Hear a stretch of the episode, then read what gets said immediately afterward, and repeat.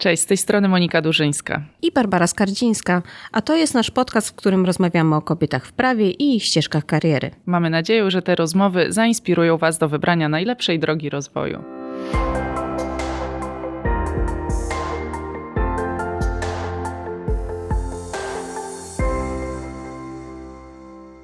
Zapraszamy Cię do wysłuchania nowego odcinka podcastu Zawód Prawniczka.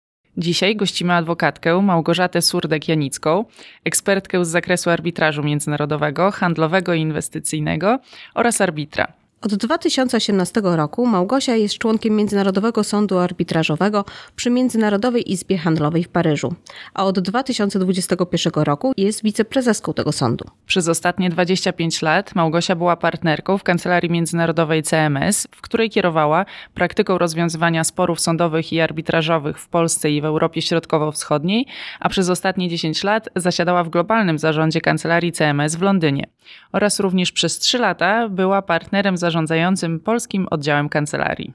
W 2022 roku założyła własną kancelarię arbitrażową Surtek Arbitration, w ramach której działa przede wszystkim jako arbiter oraz jako pełnomocnik w międzynarodowych i krajowych postępowaniach arbitrażowych. Ponadto jest mentorką w ramach Vital Voices i EY Academy oraz wykładowczynią Akademii Leona Koźmińskiego. Cześć Małgosiu, bardzo dziękujemy, że zgodziłaś się z nami porozmawiać i podzielić swoim doświadczeniem. Witajcie, dzień dobry, to ja bardzo dziękuję za zaproszenie. Mogłoś od czego tu zacząć? Twoja droga jest e, bardzo bogata, więc może zacznijmy od początku. Dlaczego w ogóle wybrałaś prawo jako kierunek swoich studiów? Prawo nie było moim pierwszym wyborem i to nie były pierwsze studia, które skończyłam.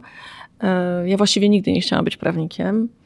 Ośmieliłam się nawet e, wypowiedzieć w klasie maturalnej, gdzie połowa mojej klasy zdawała na prawo, druga połowa na medycynę, a ja byłam takim trochę odszczepieńcem co myślę o przyszłych studentach prawa. Może nie będę cytować, bo, y, bo może się z tego jakiś mem zrobić, y, ale mm, no, narobiłam sobie wrogów wtedy. Krótko mówiąc, chciałam być dziennikarzem i to takim dziennikarzem od spraw międzynarodowych, który podróżuje po świecie, interesuje się wielką polityką, jak byłam mała, to mówiłam, że chcę być dziennikarzem przy ONZ.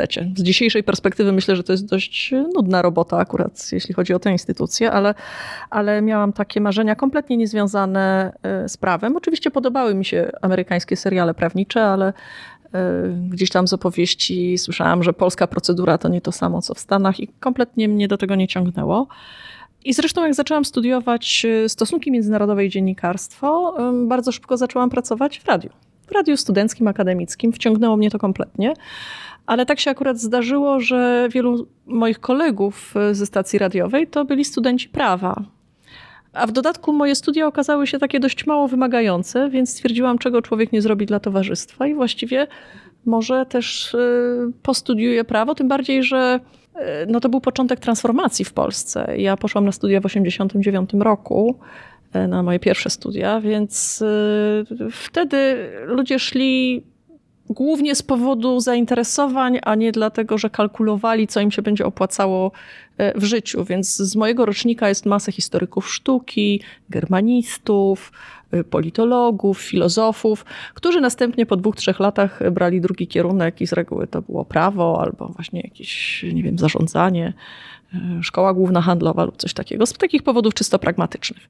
Więc ja sobie dawałam czas, bo poszłam od razu na drugi rok, e, jakieś tam przedmioty mi zaliczono i dawałam sobie czas do Rzymu i że jak zdam Rzym, to na pewno będzie, to będzie taki dobry znak, więc zdałam. Już przejdziesz wszystko. Jak tak, już przejdę Rzym. wszystko. No była to duża naiwność, bo nie wiedziałam, co mnie jeszcze czeka przez cały czas trwania studiów, później aplikacji i w ogóle życia zawodowego.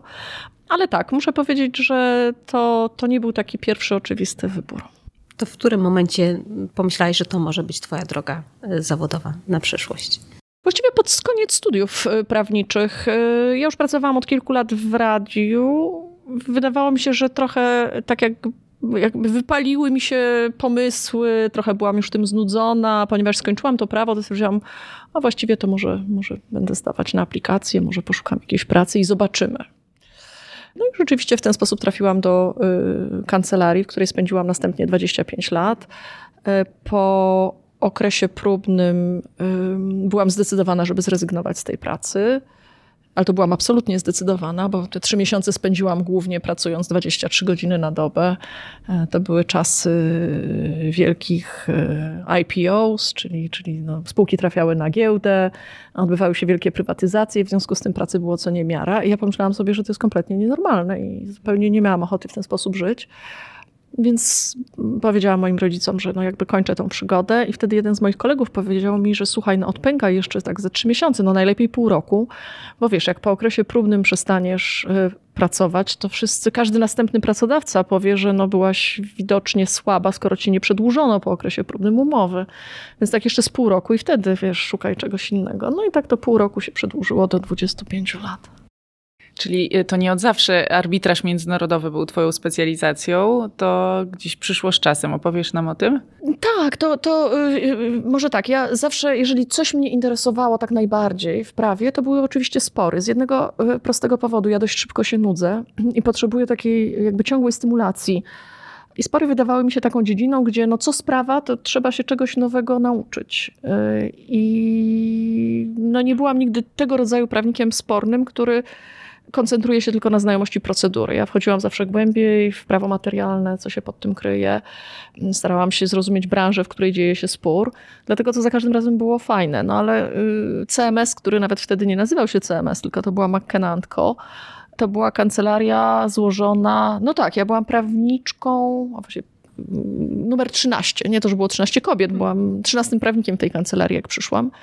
E, więc siłą rzeczy robiliśmy wszystko, każdy robił wszystko. I bardzo szybko mój szef doszedł do wniosku, że spory sporami, ale klienci mnie lubią, więc może bym e, raczej z nim popracowała przy transakcjach, przy czym trzeba było, przy prywatyzacjach. Y, w pewnym momencie fundusze emerytalne y, zaczynały się pojawiać, były tworzone w Polsce. To, że tak powiem, zostałam rzucona na odcinek fundusze emerytalne. Odszedł prawnik, który zajmował się prawem konkurencji do innej kancelarii, no to stwierdzono, że a może byś jeszcze nauczyła się prawa konkurencji. Więc rzeczywiście robiłam bardzo dużo rzeczy. No i na pewnym, na pewnym etapie, gdzieś tam po trochu robiąc spory na boku, co też było jakąś tam przyczyną wielu konfliktów w kancelarii, ale wywalczyłam sobie taki, taki carve-out. No, w sytuacji, w której team, który zajmował się sporami, odszedł do, do innej kancelarii, no, mój szef powiedział: Słuchaj, to może, to może teraz ty stworzysz to miejsce i tą praktykę. No i rzeczywiście przez y, ostatnie 12 lat y, pobytu w CMS-ie to już było wyłącznie skupienie się na e, sprawach spornych, ale bardzo szybko pochłonął mnie arbitraż, bo to był jakby powrót do, do tego, o czym ja zawsze marzyłam, to znaczy, żeby e, zajmować się sprawami, które mają taki wymiar międzynarodowy, które e, prawo zawsze wydawało mi się ograniczające, to znaczy, że jestem jak chłop pańszczyźniany przywiązany do ziemi, czyli jestem prawnikiem przywiązanym do danej jurysdykcji i tak naprawdę cały mój świat zamyka się, nie wiem, w prawie polskim na przykład. Gdzieś tam próbowałam sobie to e, rozszerzyć, czy moje horyzonty rozszerzyć, nie wiem, interesując się prawem porównawczym bardzo, no ale jak gdzieś pojawiła się okazja, no właśnie dokształcania, ja bardzo jakby samodzielnie zaczęłam się mocno dokształcać, jeśli chodzi o arbitraż, studiując w różnych miejscach. Niejako to była taka trochę extracurricular, jak się mówi, aktywność, pięknie po polsku. Właśnie szukałam jakiegoś polskiego terminu dobrze i nie znalazłam tak na szybko. Taka poza głównymi zajęciami to rzeczywiście bardzo w to szłam i, i muszę powiedzieć, że e, arbitraż międzynarodowy otworzył to, na czym mi zawsze należa, zależało. To znaczy, z jednej strony, jak każda sprawa sporna dotyczy jakiejś zupełnie nowej kwestii, nowej branży, nowego zagadnienia prawnego, ale jednocześnie jeszcze jest taki w swoim wymiarze mocno międzynarodowy i to było fascynujące. A czy polecałabyś taką drogę mm, komuś młodszemu? Bo teraz mówi się o tym, żeby wybrać jak najszybciej wąską specjalizację, iść w tym kierunku, kształcić się, utrzymać jej. Twoja droga była jednak trochę inna, zaprowadziła cię na szczyt. To, to, to była dobra droga?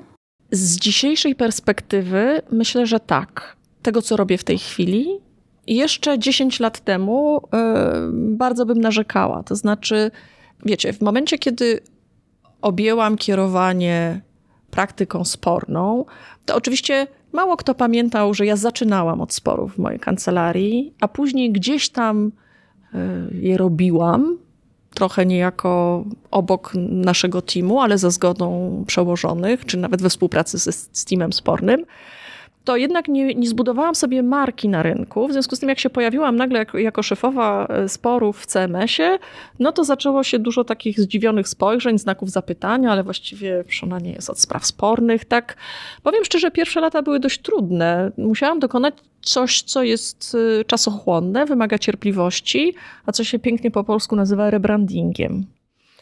I wtedy myślałam, że a trochę nie tak pokierowałam swoją karierą bo nie powinnam płynąć jak patyk i gdzieś tam e, w rzece i, i, gdzieś tam jakby akceptować to, co różni szefowie mi podrzucali, a teraz zajmij się tym, a teraz zajmij się tamtym. A z dzisiejszej perspektywy myślę, że to jest doskonała to jest doskonałe przygotowanie do tego, co robię teraz. A nawet już wcześniej, jak byłam partnerem i robiłam to, co robiłam, to czasami moi młodzi prawnicy z mojego działu pytali, słuchaj, ale skąd ty w ogóle kojarzysz jak, jakieś tam rzeczy dotyczące, nie wiem, na przykład pomocy publicznej, że tu będzie problem pomocy publicznej, albo że, nie wiem, w umowach dystrybucyjnych to czegoś tam nie można. Ja mówię, no bo no kiedyś trochę przy tym pracowałam i jakby rozumiem, może nie znam już wszystkich szczegółów, ale przynajmniej zapalają mi się dzwonki alarmowe i wiem, gdzie potencjalnie jest problem. E, I myślę, że to jest ogromne nieszczęście dla młodych ludzi, którzy za wcześnie są wrzuceni w taką ścisłą specjalizację. Nie wiem, trafiają do kancelarii, nic jeszcze nie potrafią, a nagle zaczynają się zajmować prawem telekomunikacyjnym i tylko tym. E, no i później chodzą tacy biedni i pytają na przykład y, po kancelarii, błąkając się, pytają, kto się specjalizuje w kodeksie cywilnym, tak? Bo y, jakby nie zauważyli, że jest pewien fundament, y, który wszyscy powinni znać. I teraz sobie myślę, jak czasami zdarza się, że mam interviews, czyli takie spotkania przed nominacją ze stroną, która rozważa, czy nominować mnie na arbitra w danej sprawie, to czasami właśnie jest konkretne zapotrzebowanie na ekspertyzę w pewnej dziedzinie, w pewnej kategorii sporów, albo na przykład czasami jest wymóg w klauzuli arbitrażowej. Zupełnie niedawno y, gdzieś tam przez kontakty takie, takie w moim networku ktoś szukał arbitra, w Rumunii, ale nie z Rumunii, który ma przynajmniej 10 lat doświadczenia i, lub więcej, jeśli chodzi o ubezpieczenia i reasekurację. Ja się również tym zajmowałam jako, y, to była taki mój drugi zespół, oprócz spraw spornych, również ubezpieczenia, w aspekcie spornym i też regulacyjnym. Więc no to przeważyło o mojej nominacji. Albo na przykład ktoś potrzebuje prawnika z doświadczeniem, z dobrym zrozumieniem M&A'ów no owszem, robiłam je bardzo dawno, przy okazji tam w latach 90., y, wczesnych 2000, ale je robiłam, więc prawdopodobnie mam trochę więcej e, zrozumienia e, takiego praktycznego MNO-owego niż e, arbiter, który od zawsze był tylko prawnikiem spornym. No tak, jesteś doświadczoną prawniczką, uznawaną dzisiaj za eksperta w ogóle w tej dziedzinie, ale chciałabym powrócić jeszcze w ogóle do samej tej definicji arbitrażu międzynarodowego, bo być może tego podcastu również słuchają młodzi prawnicy, którzy rozważają taką ścieżkę. Czy możesz nam w ogóle powiedzieć, na czym polega praca takiego arbitra międzynarodowego? Arbiter rozstrzyga spory. Arbitraż jest alternatywną formą rozstrzygania sporów, alternatywną do sądownictwa państwowego. Nie każda sprawa można, może trafić do arbitrażu, na przykład nie można się rozwieść w arbitrażu. Ale jak najbardziej spory gospodarcze między przedsiębiorstwami w arbitrażu, po polsku się mówi w arbitrażu handlowym, lub też spory między na przykład państwami goszczącymi pewne inwestycje, a inwestorami również są rozstrzygane w arbitrażu zwanym inwestycyjnym. Arbiter generalnie no, rozstrzyga spór, przy czym yy, ten spór on jest umownie osadzony w pewnym miejscu, które się nazywa siedzibą arbitrażu albo miejscem arbitrażu, e, co nie znaczy, że tam e, musi się odbywać. Ja na przykład e, mam w tej chwili arbitraże z miejscem arbitrażu w Dubaju, w Wiedniu, w Londynie, w Paryżu, w Bukareszcie. To nie znaczy, że możemy, ale nie musimy tam jechać. Na przykład rozprawa może być w dowolnym miejscu albo może być wręcz online. Arbiter również niekoniecznie musi znać się na każdym możliwym prawie, być specjalistą w zakresie prawa. Bo na przykład rozmawiałam z znajomą, która jest kompletnie spoza branży prawniczej i opowiadała mi ostatnio o kilku sprawach, które prowadzę, bo tak ją to interesowało. No i między innymi mówiłam o takich sprawach, gdzie nie wiem, jest prawo czeskie, jest prawem właściwym albo prawo rumuńskie, mm, albo prawo Sudanu. Ostatnio jestem w takim e, zespole, gdzie rozstrzygamy między stronami z Afryki e, według prawa Sudanu czy prawo angielskie na przykład. I ktoś mnie pyta, no ale przecież nie możesz się kompetentnie tego podjąć. No jesteś prawnikiem polskim. Oczywiście zdarzają się wśród, i to jest też bardzo popularne, tak zwane dual qualifications albo nawet multiple qualifications, czyli uprawnienia zdobywane w kilku jurysdykcjach. No ale też umówmy się, nawet jeżeli, jeżeli całe życie byłam prawnikiem E, polskim i tutaj praktykowałam, nawet jeżeli zdam odpowiednie egzaminy i się wpiszę jako solicitor w Anglii, no to nie mam takiej praktyki jak, jak z doświadczeniem wieloletnim prawnik z Londynu. Mogę mieć zrozumienie lepsze pewnych instytucji prawa angielskiego. No więc mnie pyta, jak to jest możliwe?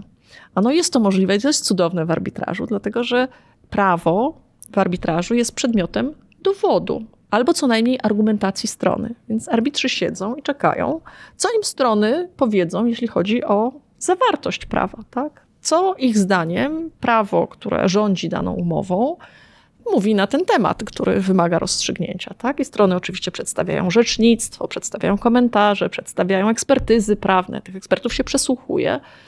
Oczywiście dobrze mieć y, taką ogólną wiedzę, trzeba dobrze być w ogóle dobrym prawnikiem, żeby to robić i mieć trochę takiej świadomości komparatystycznej, żeby rozumieć pewne różnice między porządkami prawnymi. Ale to jest cudowne, bo jakby człowiek naprawdę nie jest przywiązany do ziemi.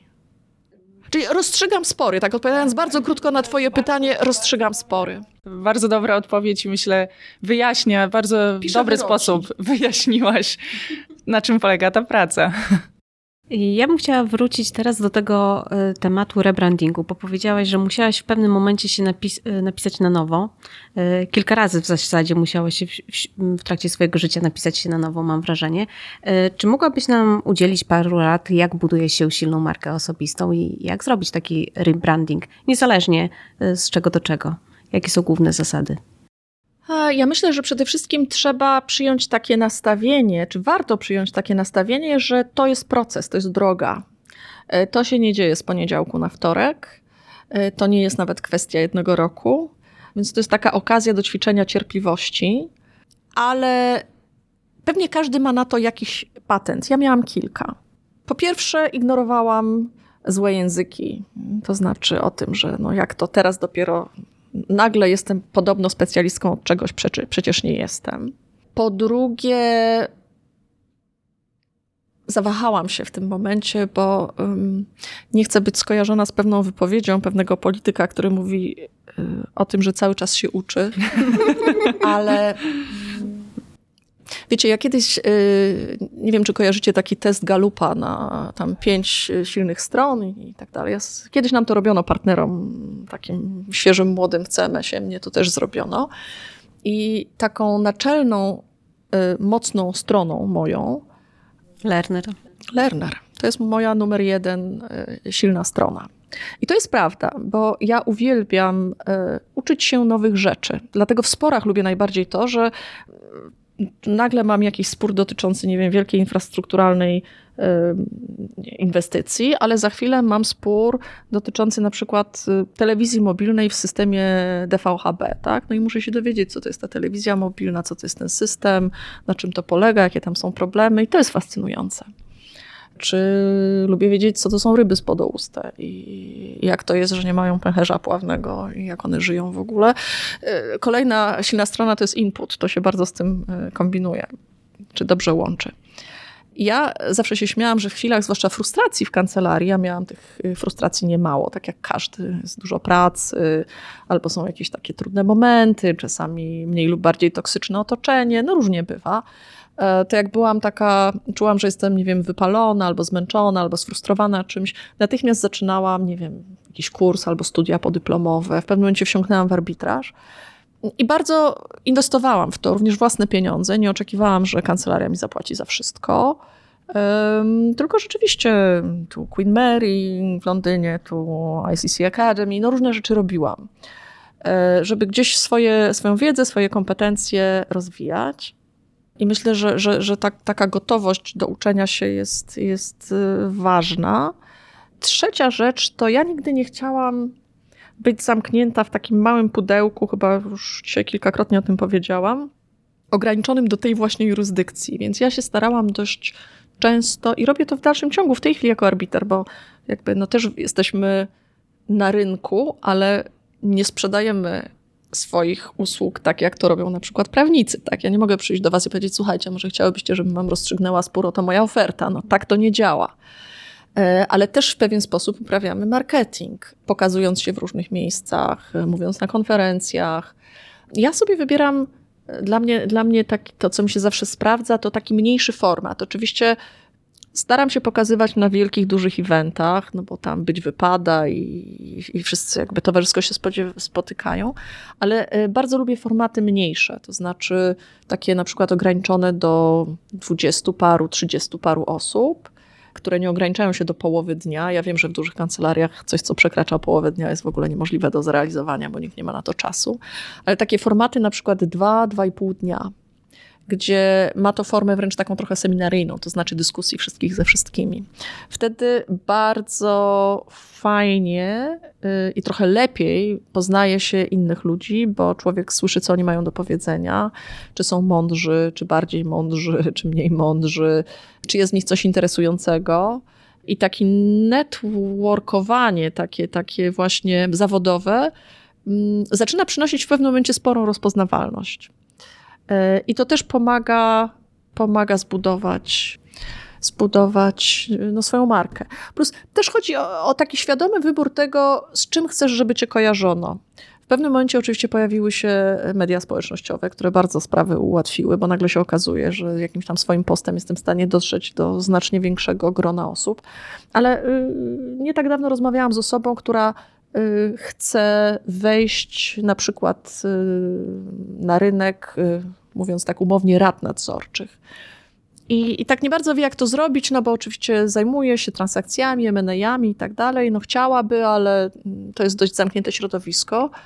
A ja jej mówię, słuchaj, no ale to y, zacznij robić coś, żeby cię ludzie kojarzyli z tematem. Zacznij wypowiadać się na ten temat na konferencjach, zacznij pisać posty na ten temat. No, dzisiaj prawdopodobnie nikt nie wie, że ty chcesz to robić, czy tym się zajmować. No to jakby musisz trochę ludziom zacząć się z tym kojarzyć. Więc to jest trochę taka cierpliwe budowanie tego, z czym się chcesz kojarzyć. Ale myślę, że przede wszystkim, szczególnie w naszej branży, to budowanie marki sprowadza się też do tego, że się robi dobrą robotę, tak? Bo jak zrobisz ją raz dobrze, jak nie wiem, w pracy arbitra na przykład, czy robisz coś terminowo, czy napiszesz dobry wyrok, no jak pisze wyrok, to nie dość, że on musi przejść, na przykład jeżeli to jest sprawa według regulaminu scrutiny, to musi przejść przez, y, regulaminu ICC, to musi przejść przez tak zwany proces scrutiny w ICC, czyli takiej kontroli projektu wyroku przed jego wydaniem przez instytucję. Sama biorę udział w tym procesie kontrolowania wyroków, więc wiem, że to jest taki dość y, surowe i, i bardzo rzadko jest tak, że wyrok nie ma w ogóle żadnego komentarza, żadnej uwagi to jeszcze no, poddaję się pod ocenę zawodową moich kolegów po fachu, którzy później czytają te moje wyroki. I, też no, zależy mi na tym, że jak coś zrobię, że to jest na tyle dobre, że po pierwsze nie mam powodu do wstydu, po drugie, że to spowoduje, że ktoś znowu zechce mnie wyznaczyć do tej roli. No i zbudowanie takiej silnej marki osobistej pozwoliło i pewnie też ułatwia y, do dzisiaj prowadzić Twoją niezależną praktykę, bo po 25 latach y, w CMS-ie, gdzie również zarządzałaś kancelarią i łączyłaś bycie aktywnym prawnikiem razem z zarządzaniem również kancelarią przez pewien okres i zasiadaniem nawet w strukturach e, globalnych tej kancelarii, zdecydowałaś się, żeby odejść jednak z kancelarii i postawić na swój własny projekt e, Surdek Arbitration. Powiedz, e, dlaczego i czy łatwo było taką decyzję podjąć? I łatwo, i trudno. Trudno pewnie dlatego, że y, jak człowiek jest w czymś przez 25 lat, to każda zmiana y, nie jest łatwa, a mam wrażenie, że im człowiek starszy, y, tym apetyt na ryzyko trochę maleje. Jak się ma 20 lat, to rzucamy się na główkę do basenu, nie sprawdzając, czy tam w tym basenie jest w ogóle woda, tak? Myśląc sobie, jakoś tam będzie. Potem człowiek ma trochę taki jakby większą świadomość ryzyk, różnych konsekwencji i tak dalej. E, myślę, że to, co też skłaniało mnie do takiego dogłębnego przemyślenia, czy na pewno chcę to zrobić, to jest mój zespół, z którym czułam się bardzo związana i zastanawiałam, jak ja się w ogóle odnajdę e, w pracy arbitra, która jest w pewnym sensie dość samotnym przedsięwzięciem. No, nawet jeżeli ze współarbitrami, to dalej na co dzień nie pracuje się w wieloosobowym teamie. Mm, też nie miałam pewności, jak, a jestem dość takim społecznym zwierzęciem, więc e, zastanawiałam się, jak, jak to zniosę. Ale pokusy były dużo silniejsze. To znaczy, we mnie od zawsze było bardzo dużo potrzeby niezależności. Fatalnie znoszę ściśle zhierarchizowane organizacje. Kiedyś wyrzucono mnie z harcerstwa za publiczne kwestionowanie decyzji drużynowego udaje mi się współpracować y, z osobami, czy udawało mi się współpracować z osobami, które dawały mi sporo autonomii. I z, szefami, którzy byli mądrymi doradcami, ale niekoniecznie próbowali ręcznie mną sterować na co dzień. I jak się trafia na takie osoby, jest super. Jak y, trochę idzie to w innym kierunku, to ja się wtedy mocno męczę. Ja myślę, że to, co przyspieszyło y, decyzję, to przede wszystkim mo, y, rozwój mojej kariery jako arbitra. I ja w pewnym momencie bardzo świadomie i bardzo konsekwentnie zaczęłam y, pozycjonować się i budować takie portfolio spraw jako arbiter. Oczywiście w dużej kancelarii jest to bardzo trudne, bo a już zwłaszcza na początku, kiedy tam się zaczęły pojawiać pierwsze poważniejsze sprawy, jeszcze takie na przykład międzynarodowe, to kiedy musiałam je odpuścić z uwagi na konflikt interesów, bo na przykład, nie wiem, jedna ze stron to był bardzo duży klient y, globalny kancelarii, no to wiadomo, że nie mogłam przyjąć nominacji. Bardzo mi było tego szkoda i widziałam, że tego jest coraz więcej. To jakby był y, taki pierwszy czynnik. Po drugie, ja w pewnym momencie dość świadomie zaczęłam myśleć o swojej karierze, o swoim życiu, bo miałam takie poczucie, że no, przez pierwszą połowę płynęłam jak ten patyk. Rak. Robiłam różne rzeczy, spory, M&A, y, ubezpieczenia, czy w ogóle instytucje finansowe szerzej, prawo konkurencji, no czegoś tam nie było. W pewnym momencie byłam odpowiedzialna za grupę Consumer Products, więc nagle wchodziłam w ten sektor y, food and drinks i wszystkie rzeczy z tym związane to później jakoś tak myślałam sobie, dobrze, to teraz trochę tym posteruj mądrze i, i, i wybrałam właśnie tą ścieżkę arbitrażową. I zaczęłam patrzeć, co mi w tym przeszkadza, co mi pomaga. Przepraszam, rozumiem, że mogą filiżanki szczękać. Oczywiście. jakby nie udajemy, że jesteśmy tutaj bez wody i bez herbaty. Zawsze miałam świadomość, bo też byłam przez ostatnie 10 lat y, w CMS-ie, byłam członkiem boardu w Londynie, no i tam zajmowaliśmy się różnymi, także trudnymi sprawami, czasami też rozstaniami z partnerami. E, ja zawsze miałam dość wcześnie, uzyskałam świadomość jako relatywnie jeszcze młody partner, że termin przydatności do spożycia, czy taki e, best use before e, partnerów jest ograniczony. Zwłaszcza w firmach brytyjskich, które mają ten lockstepowy system podziału zysków, partnerzy sobie czasami nie zdają sprawy, wydaje mi się, że będą jakby mile widziani i będą pracować e, bardzo do długo, emerytury. do emerytury co najmniej, tak, a niektórzy nawet przedłużają sobie to, tak, ponad ten okres ustawowy, emerytalny, ale następuje takie zjawisko, ja myślę, że można sobie to powiedzieć szczerze, takiego mniej lub bardziej zawoalowanego zachęcania do tego, żeby robić miejsce młodszym bo w firmach lockstepowych jest pewien, nie jest tak jak w firmach amerykańskich, gdzie jest zasada podziału zysku eat what you kill. Każdy, jeżeli jest dobrym rainmakerem, no to może pracować ile chce. W firmach lockstepowych jest jednak y, jest, jest, pewna pula partnerów, tak? Jest, y, oczywiście jak zwiększa się biznes, ta pula się może zwiększyć, ale generalnie chodzi o to, żeby był stale dopływ świeżej krwi. Y, I powiem szczerze, widziałam dość wcześnie zbyt wielu zdesperowanych partnerów takich, powiedziałabym, na początku lat 50. E, swojego życia i później, którzy no, byli zdesperowani, jakby rywalizując z młodszymi kolegami, czuli się tak bardzo jakby niepewnie. Jest takie cudowne słowo insecure, które jakby nigdy nie znalazłam takiego naprawdę dobrego odpowiednika w języku polskim. No, czuli się tacy zagrożeni tak, e, w tym i ja pomyślałam sobie, a na koniec gdzieś tam firma ich zwalniała. Ja pomyślałam sobie, e, nigdy nie znajdę się w tym miejscu, i też jest tak, że chciałabym pracować dużo dłużej niż y, partner przeciętnie w brytyjskiej firmie prawniczej. I dla mnie arbitraż też był taką fajną odpowiedzią, bo tam im dłużej, tym właściwie lepiej. Tak? Ja na przykład w tej chwili w każdej w swoim CV bardzo wyraźnie wpisuję datę swojego urodzenia e, po to, żeby y, ktoś wiedział, że mam 53 lata, że to jakby nie jest tak, że jestem takim zupełnie młodym arbitrem, tak? niedoświadczonym. Kiedyś bym może to bardziej ukrywała, w tej chwili pokazuję to jako, jako pewien, pewne aktywo, które mam. ileś tam lat doświadczenia. Na to wszystko jeszcze nałożyło się to, że zostałam członkiem sądu ICC, a potem wiceprezesem tego sądu. Z tym się wiąże cała masa obowiązków. Jak mam sesję sądu, na której podejmujemy różnego rodzaju decyzje, to właściwie tydzień przed sesją mam kompletnie wyjęty i praktycznie muszę przygotować się, czytając masę wyroków, projektów wyroków, y, nie wiem, projektów decyzji w sprawach proceduralnych. Więc słuchajcie, połączenie tego z kancelarią, z własnymi sprawami jako arbitra, ICC, tego było dużo i jeszcze na pewnym etapie zarządzałam. To zarządzanie też było ciekawym wątkiem, bo to jest doskonale, e, doskonały w moim życiu przykład, jak nie wolno podejmować decyzji ze złych pobudek, bo to się bardzo mści. Ja tego zarządzania nigdy nie chciałam, bardzo mnie interesowała praca merytoryczna, praca kliencka, w niej było masę głasków. Jak się coś zrobi dobrego dla klienta, to, to klient to docenia. Nie zawsze, ale z reguły.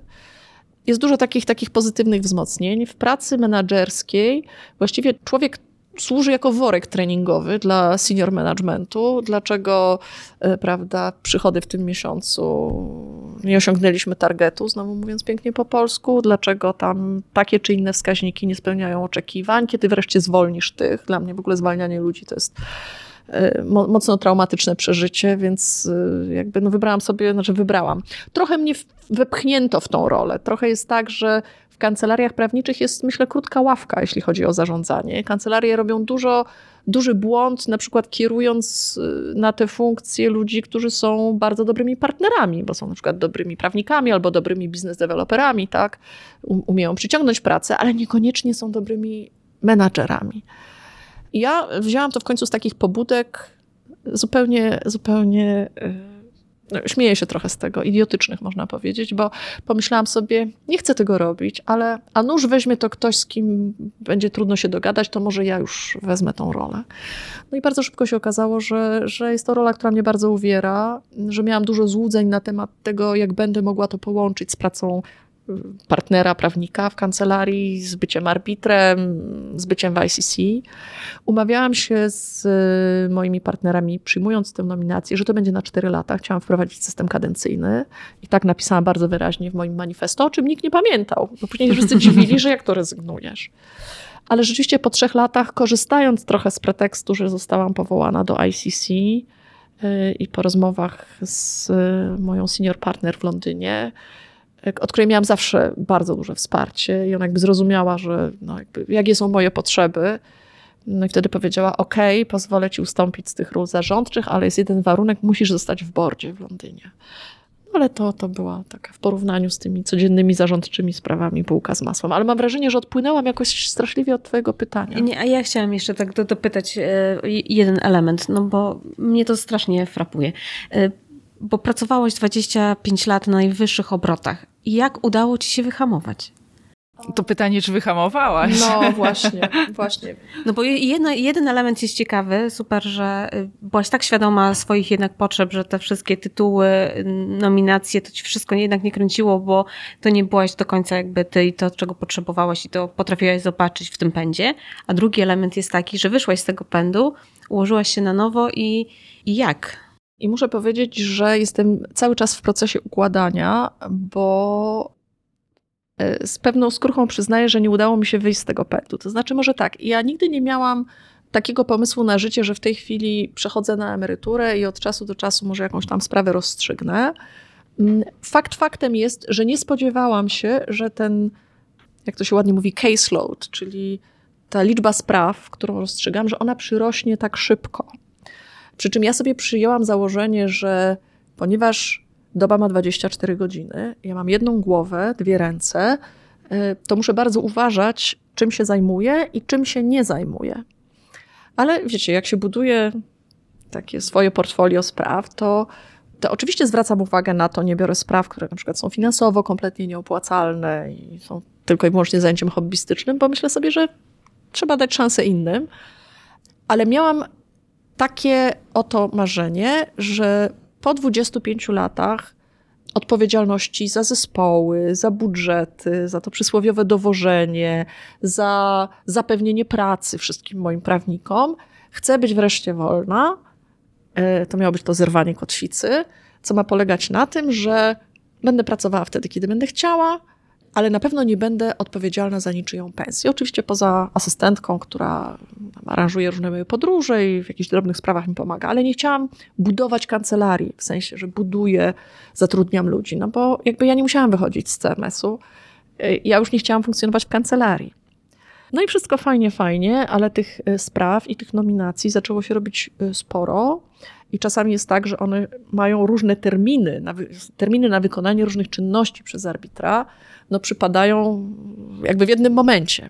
No i zaczęło się to rzeczywiście sprowadzać do tego, że e, zaczęłam dość mocno pracować. Mój mąż pytał mnie, ale o, o co chodziło z tą zmianą? Możesz nam przypomnieć, bo jakoś wszyscy mieliśmy wrażenie, że ma być teraz trochę inaczej.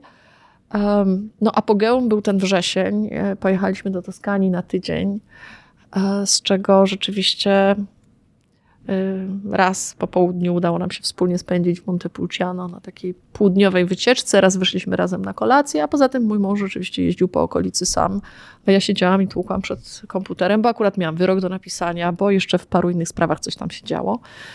On to rozumiał, jest bardzo wspierający, ale mówił: Słuchaj, chyba musisz zacząć funkcjonować inaczej, więc dokonałam przełomu. Od października jestem szczęśliwą pracodawczynią. Zatrudniłam młodą prawniczkę, z którą, z którą yy, zaczęłam współpracę. Ona wcześniej pracowała przez trzy lata w międzynarodowej kancelarii, później przez parę miesięcy była w sekretariacie ICC w Paryżu. No i zaczynamy właśnie wspólnie, e, wspólnie pracować, więc to już pozwala mi jakby podzielić trochę pewne rzeczy, takie, które niekoniecznie wymagają mojej uwagi, a są bardzo czasochłonne. I mogę się rzeczywiście skoncentrować na klub pracy arbitra.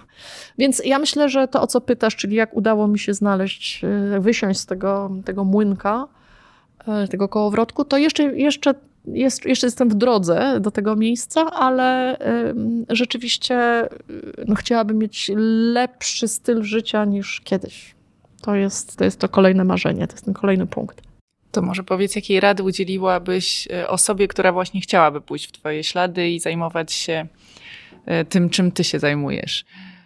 Ja myślę, że jest tak, że tak, zachęcać do tego ludzi niespecjalnie trzeba, bo jest cała rzesza młodych ludzi, którzy bardzo y, chcą zajmować się arbitrażem. Jest cała masa ludzi wybitnie inteligentnych, świetnych. Ja ich widzę na moodcourtach, czyli tych symulowanych y, rozprawach w konkursach arbitrażowych na całym świecie. Są doskonali.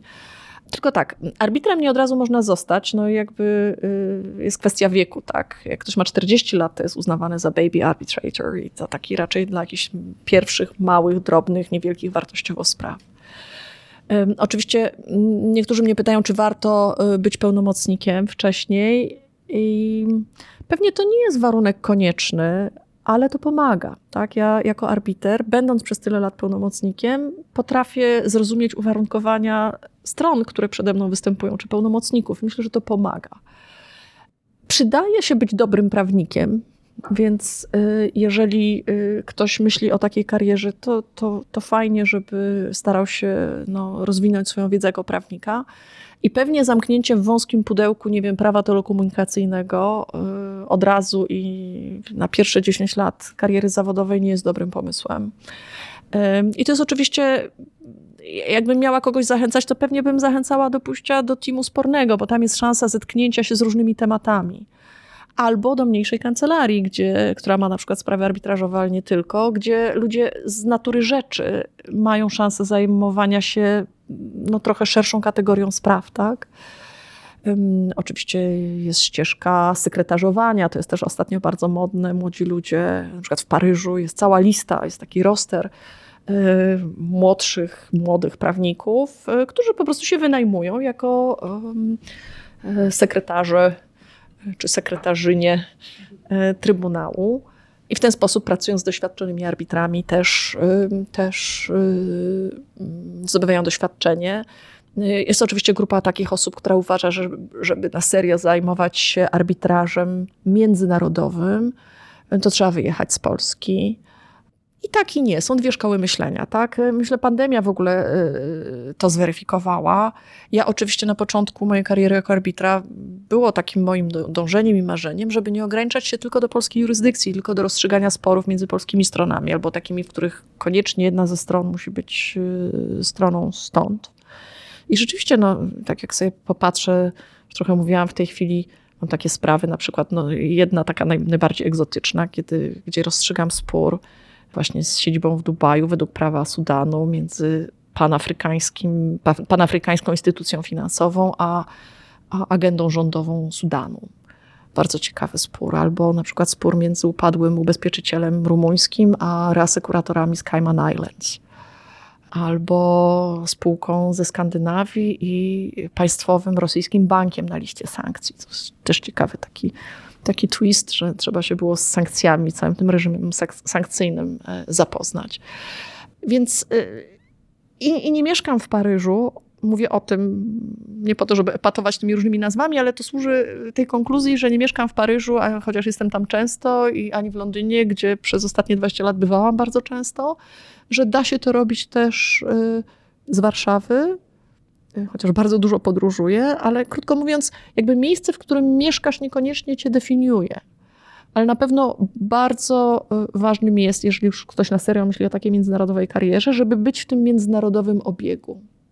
Ja ostatnio zapytałam, to może trochę tak jeszcze a propos Twojego pytania o markę. Zapytałam e, Mohameda Abdelwahaba, który był byłym wiceprezesem sądu ICC w Paryżu. W tej chwili jest prezesem Chartered Institute of Arbitrators, e, czy będzie w 2024.